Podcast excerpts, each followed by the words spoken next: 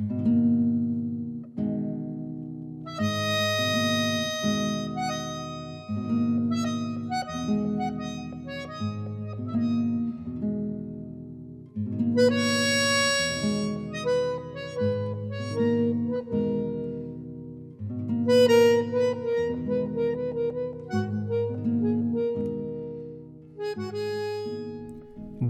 Beja je večmedijski umetnik, ki se trenutno predstavlja z novo razstavo v galeriji Škuc.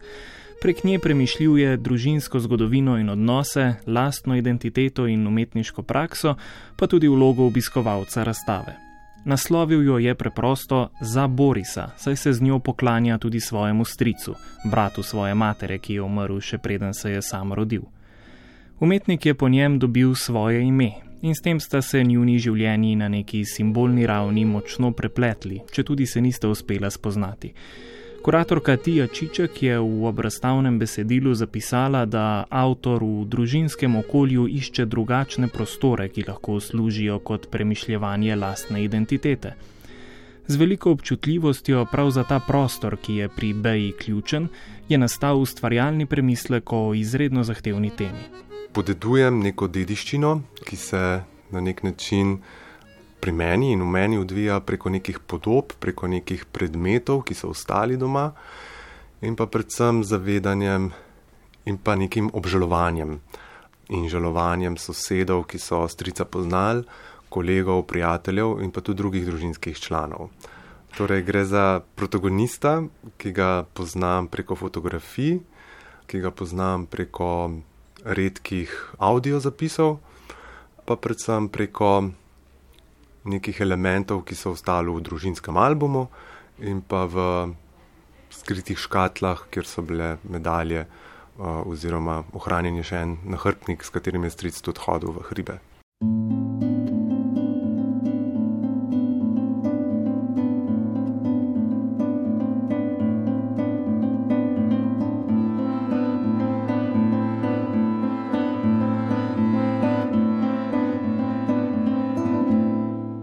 Govoriva o zgodbi, lahko omenjava zgodbo, ki me je zelo zaznamovala. In sicer to je Vitomil Zupan z minuetom za kitaro, kjer začne svoj roman Važno je priti na hrib. In ta njegov stavek je odzvanjal v meni od mature naprej. In tudi moj stric je imel na nek način kot alpinist to idejo priti na vrh kar tudi v 80-ih letih ta naš preporod alpinizma udejanja in kar tudi ena od zelo simbolnih slik v stalni postavitvi moderne galerije od Jrneja Vilfana predstavi, kako so naši alpinisti osvajali vrhove in kako se v bistvu jugoslovanska zastava fotografira na osvojenih vrhovih. In tukaj se mi zdi mogoče ta povezava zgodbe v tej simbolni ravni, kjer je potrebno priti na hrib, kjer je potrebno priti na vrh. Namreč v stiku sem še vedno z dekletom, ki je takrat v 80-ih letih izgubila svojega fanta, torej mojega strica. In enkrat mi je rekla, veš, kdo visoko leta ima lep razgled.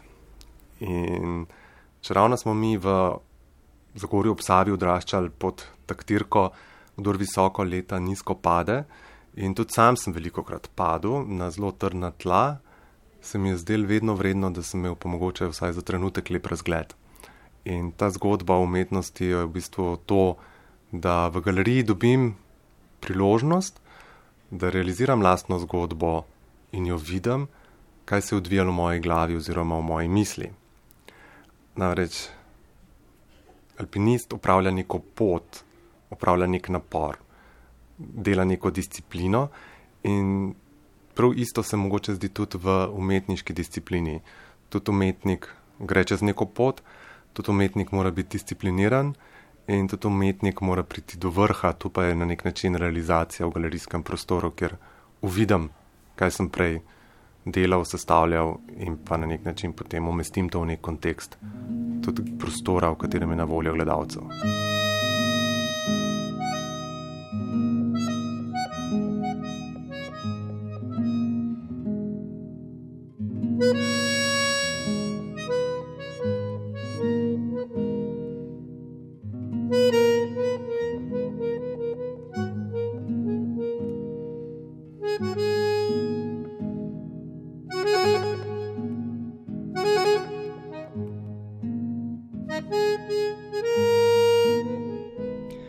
Boris Simončič, umetnikov stric, je bil orodni telovadec, ki je zaradi svoje discipliniranosti in marljivosti hitro napredoval, dokler mu ni bilo ponujeno mesto v republiški gimnastični reprezentanci. To je zavrnil, saj je raje sledil svoji največji ljubezni - alpinizmu. Leta 1983 pa se je smrtno ponesrečil v francoskih Alpah. Beja to stričevo zagnanost, sledenje svojim sanjam, sistematičnost in discipliniranost enači s svojim odnosom do ustvarjalnosti. Na nek način sem se v zadnjih letih odločil, da vedno delam več projektov hkrati.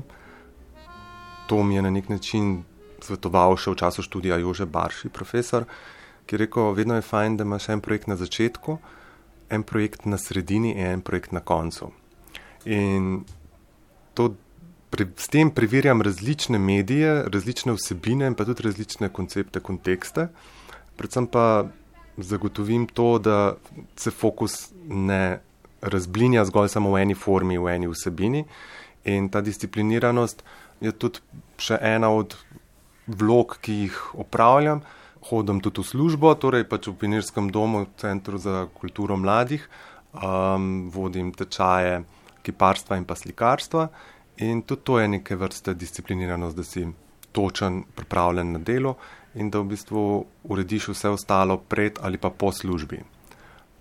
Neke zapisane, začrtane rutine pa nimam. Predvsem je rutina prisotna in discipliniranost prisotna v tem, da prav vsak dan narediš nekaj za svojo prakso.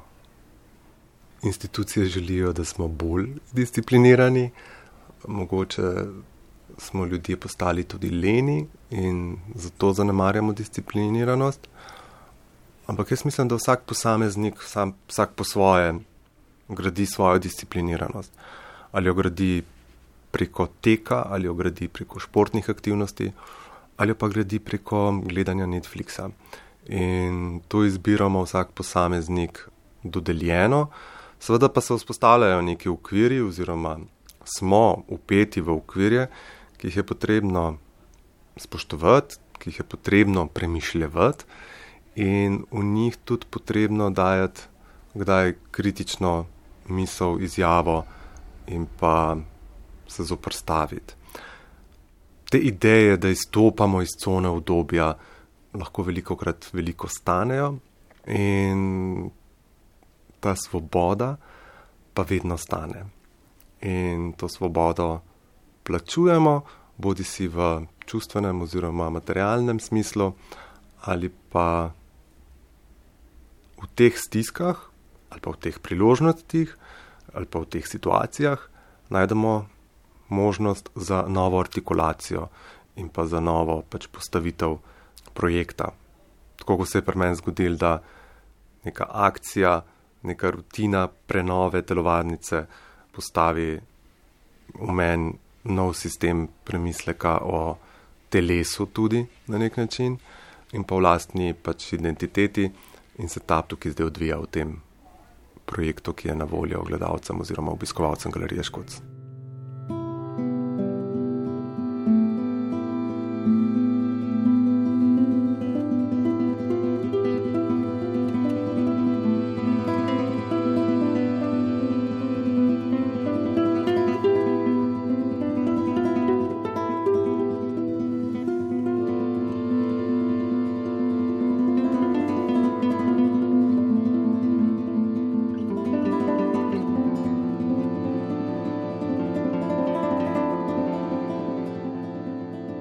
Ključna idejna vzpodbuda za zagon razstavne postavitve za Borisa je bila prenova šolske telovadnice v Zagorju ob Savi.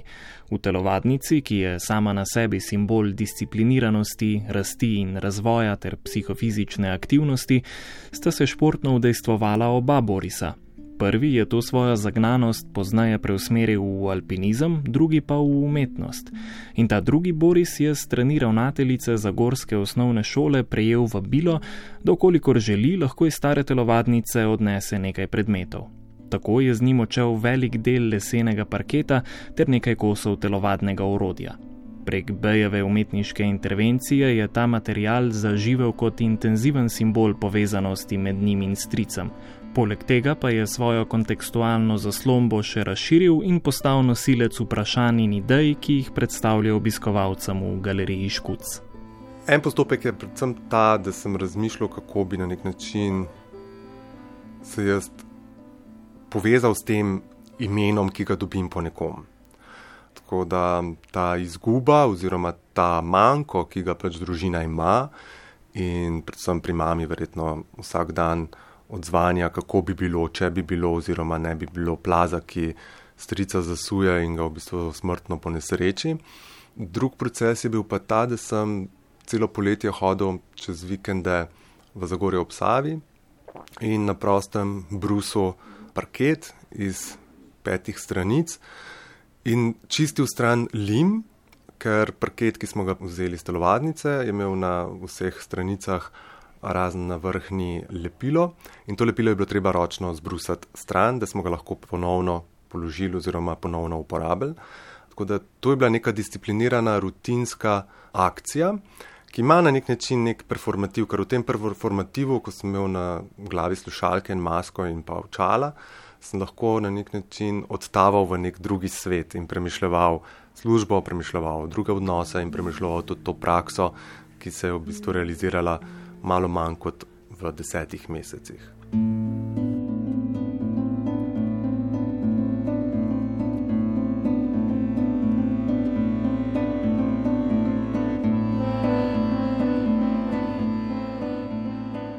V tem delu je nastalo zelo veliko prahu, zelo veliko smeti. To sem delal pač na prostem, da nisem onesnaževal pač notranjih prostorov. In je šlo za proces, kjer sem imel zastavljeno normo. Norma sta pa bila dva žaklja parketa, torej tri kvadratne metre na dan. Pričemer je bilo pač zaradi tresavic in pa zaradi tega tudi kar neki mravlinčastih rok in pa neprespanih, mogoče prej prebojenih noči. Ampak ta ritual oziroma to očiščevanje mi je na nek način bilo na koncu že simpatično. Na koncu sem se ga navadil, skoraj da je postal odvisen od tega. Tako kot pač prvi to Milo Zupanu, če na začetku rečem, je ta pot bila potrebna. Ne? Potrebno je bilo očistiti, kot tudi je potrebno mogoče očistiti to praznino, ki jo je družina doživela uh, z izgubo strica. In s tem pač jaz ustvarjam nekaj novega in seveda ne morem zapolniti te praznine in pa te izgube, zase pa dajem sebi neko novo izkustvo, tudi v povezavi dela z očetom in pa dela z materjo, ker smo delali tudi v nekem vrstem dialogu to razstavo.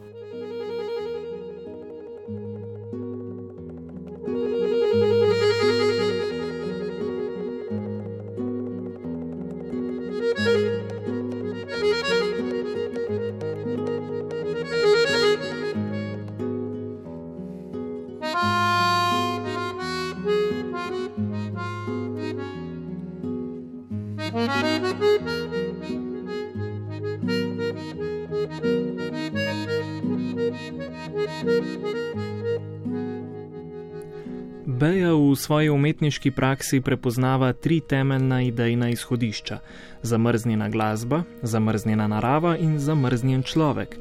Slednja je tako tudi materializirana na razstavi v Škucu.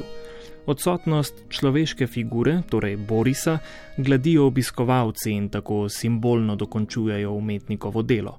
Skozi razstavo pa ne raziskuje toliko svojega strica, marveč lastno identiteto in prakso, kako jo nadgraditi in kako z umetniškim udejstvovanjem ustvariti nove prostore. Ker za vsako galerijsko postavitvijo, pa za vsako razstavo, jaz vzpostavljam nov prostor, nov dialog. Ne zgolj v tej mikrocelici družine, ampak tudi širše. In zato je v bistvu pomembno, da umetniki imamo prostore, kjer lahko realiziramo svoje umetniške zamisli, ker s tem damo povod za novo misel. Umetnik torej po eni strani tematizira tudi lastno ime. To ime se obiskovalcem Škuca kaže v svoji materializirani verziji kot metafora odnosa strica in nečaka, ki se nikoli nista spoznala, in nadaljna očiščevalna samorefleksija umetnika, ki prek razstavnega projekta v ta odnos vabi še publiko. Poleg tega pa ima Boris še eno podobo: obstaja tudi v spominu Bejeve družine. Na razstavi se umetnik s svojim stricem pogovarja prek petih prostorov. Vsak kaže neko ključno poglavje ne le v njunih stičnih točkah, marveč predstavlja tudi trenutke, na katere lahko reagira obiskovalec, je tako povabljen k lastni samorefleksiji.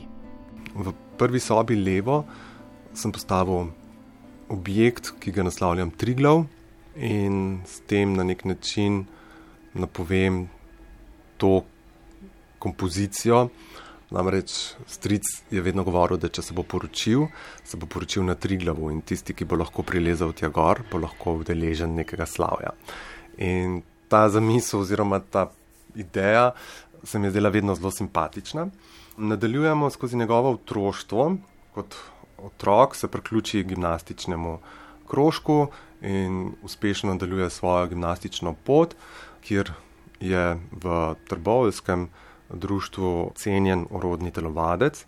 V času srednje šole odkloni povabilo v državno reprezentanco in se odloči za alpinizem. Torej, tukaj v tem segmentu lahko sledimo medaljam, ki jih imamo doma, in pa kolažem strica, ki izhajajo iz fotografij, ki so bile posnete v različnih okoljih. Te, vsaka soba ima na steni kolaže, ki so ukvirjeni v parket. Torej, parket je vse čas vezni člen, v vseh sobah se ponavlja ta material, tega vzorca, tega ornamenta, ki odzvanja z enim projektom, ki sem ga delal leta 2015 oziroma 2014. V tehniki risbe sem risal ribjo kost, zato tudi ta parket na nek način ima smisel, oziroma me je tako zelo povabil, da sem z njim začel razmišljati tudi formalno. Torej, vsi ti kolaži so razrezani in sestavljeni na novo skupaj z raznimi razmiki. Namreč te podobe so razrezane prav zato, ker s tem rezom jaz vzpostavljam neko vez med dvema Borisoma. Boris na podobi oziroma upodobljen stric in pa jaz kot avtor, ki to podobo razrežem in sestavim nazaj v nov kolaž in preko teh rezov na nek način komunicirava oziroma vzpostavljava neko vez. Torej, ker so te kolaži nazaj sestavljeni in jih jemljem kot celoto, tako gradiva na nek način dialog.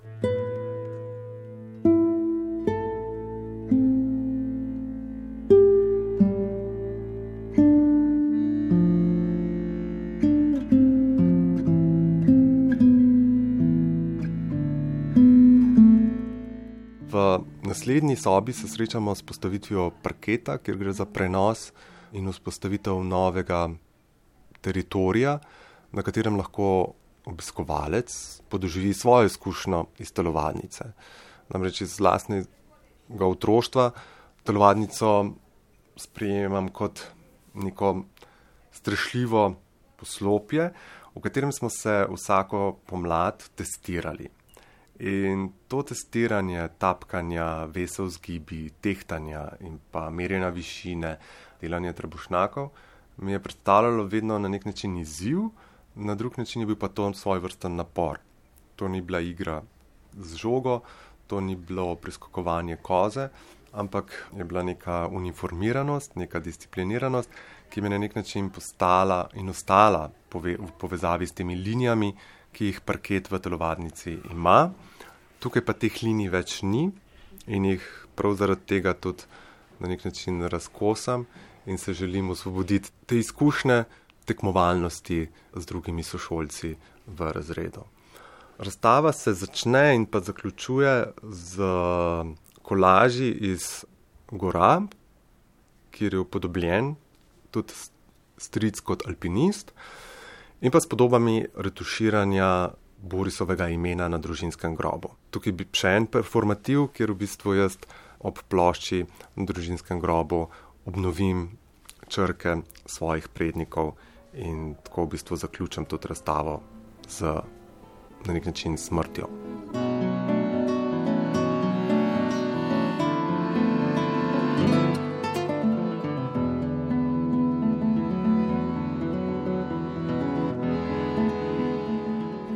Obiskovalec in gledalec ter bralec umetniških del je vedno zelo pomemben. In to, kar je v galeriji, je mogoče nastavek, da vsak od nas premišljuje o lastni izkušnji preskakovanja ovir in pa preskakovanja nekih mej. In če razmišljamo o tem, kakšen napor in kako telesno mora biti alpinist ali pa nekdo, ki dela urodno telovadbo, pripravljen, um, so to veliki napori, ki se lahko tudi zgodijo v likovni umetnosti, ko moramo mogoče kdaj kakšno stvar bolj pomisliti in ne zgolj skenirati z vizualnim načinom spremljanja svojega okolja. Tako da to kreativno razmišljanje se mi zdi vedno zelo pomembno pri vseh projektih, da obiskovalcu daješ možnost, da se sam najde v tem, da sam najde pač lastno pozicijo v tem sistemu. Seveda je pa ta dramaturgija prostora in pa to vodenje po prostoru v galeriji Škuc na nek način zelo zahtevno, po drugi strani pa tudi zelo dobrodejno, ker lahko vsako sobo izoliraš oziroma vsebinsko razgradiš razstavo na pet različnih prostorov in tako na nek način držiš vsebino v petih poglavjih.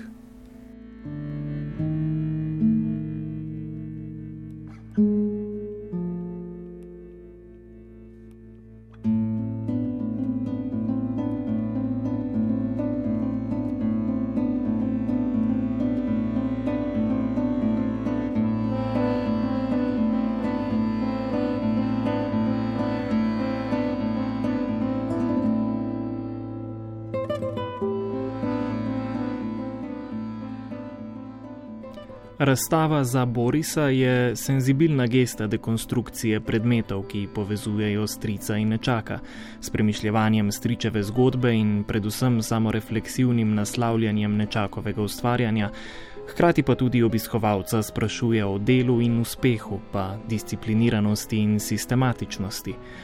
Pot skozi razstavo, ki se začne in konča s smrtjo, kot se je izrazil avtor, je polna različnih smeri in meja, pa stran poti, nevarnosti in dvomov, ampak vse v želji, da se zazremo sami vase.